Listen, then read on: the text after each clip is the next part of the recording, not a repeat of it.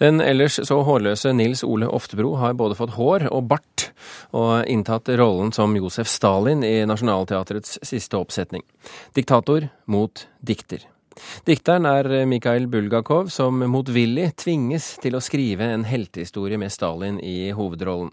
Stykket er skrevet av John Hodge, som blant, andre, blant annet har skrevet manuskriptet til filmen Trainspotting. Og helgen hadde stykket premiere i Oslo, og da hørtes det blant annet slik ut. Ja, dette må være en av mine beste titler. Det må jeg si, den var ikke særlig pretensiøs. Jeg liker titler som sier det rett ut. Ivan den grusomme. Peter den store. Unge Josef den et eller annet. Heltemodige ville jo passe. Kritiker Karen Frøsland Nystøl, du har sett dette stykket. Hva var det vi hørte her? Her hørte vi Stalin og Bulgakov sitte sammen i et hemmelig rom midt på natta og skrive dette teaterstykket om den unge Stalin, som Bulgakov har fått i oppdrag å gjøre for at hans andre skuespill skal igjen få lov til å bli spilt ved Moskva kunstnerteater. Eh, vi er ved, ved kjernen av oppsetninga, for dette er hele problematikken. Bulgakovs stykke blir forbudt. Men det kan kanskje ordne seg hvis han skriver et stykke om Stalin, da.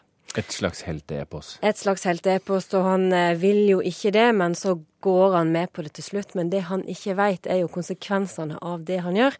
For når de to sitter midt på natta og skriver dette stykket, og Stalin eh, gir uttrykk for at han beundrer Bulgakov stort, så eh, sørger Stalin nå for at de bytter oppgave. Stalin skriver stykket om seg sjøl, og Bulgakov må sitte og undertegne direktivet og løse Sovjetunionens problemer, og det var ikke han forberedt på. Og på engelsk så heter jo stykket 'collaborators', altså sam samarbeidspartnere. Mm, og det er jo det de blir. Det er jo en mye bedre tittel på engelsk enn på norsk. Vi vet jo at Josef Stalin i virkeligheten holdt sin hånd over Bulgakov, selv om de trolig aldri møttes. Hvordan skildres forholdet mellom de to i dette stykket? Det er, det er ganske dynamisk eh, på scenen. Bulgakov går motvillig med på, på denne, dette samarbeidsprosjektet, som det jo etter hvert blir. Han, han, hadde eh, vel strengt tatt ikke så mye valg?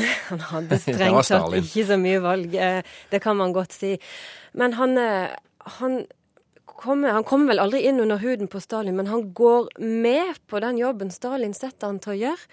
Han ser ikke sjøl at de forslagene og direktivene som Stalin da setter i verk etter Bulgakovs ordre, at de får store konsekvenser. De, de sitter egentlig og har det ganske hyggelig når de, når de skriver dramatikk, eh, eller har bytta arbeidsoppgave da midt på natta. Og Stalin er jo en luring.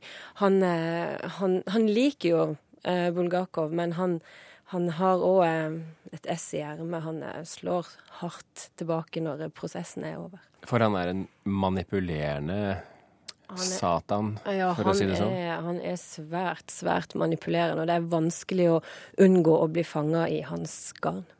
Til tross for dette så er det, så vidt jeg forstår, et stykke som ikke er helt uten humor? Nei, det er veldig morsomt. Det er kjempemorsomt. Og spesielt Josef Stalin ler man jo seg kvakk i hjel av. Nils Ole Oftebro er rett og slett eh, hva skal jeg si, bedårende som Stalin. Det er helt forferdelig å si. Eh, men han er Det er nesten som han blir litt sjarmert av karakteren han spiller.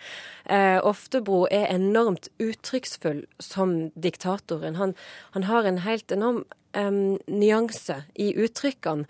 Han sitter og har det hyggelig sammen med Bulgakov på dette hemmelige kontoret, og så går han inn i heisen og snur seg, og idet heisdøra går igjen, så ser vi den onde mannen. Uttrykket har bare skifta brått, og vi aner at det her kan jo ikke gå bra. Uh, men samspillet mellom Bulgakov og Stalin er òg godt. Uh, særlig syns jeg Henrik Mestad, som spiller Bulgakov, har uh, jobber veldig bra med blikket. Og eh, til sammen så blir det ganske dynamisk. Eh, jeg har lest eh, anmeldelsen i Aftenposten eh, der Therese Bjørneboe skriver at hun syns første akt er mye flat realisme og buskis, mens det tar seg opp i det hun kaller katt og mus-leken i annen akt. Jeg vet at du er ikke helt enig i det? Nei, jeg, jeg forstår hva, hva Bjørneboe sier. Jeg, underholdningsverdien er mye større i første akt. Og det, og det er jo der det å tette seg til tilskuer, publikum forstår, eh, forstår, før Bulgakov gjør hvilket enormt dilemma og en, hvilken vanskelig situasjon han og Stalin da har satt Bulgakov i.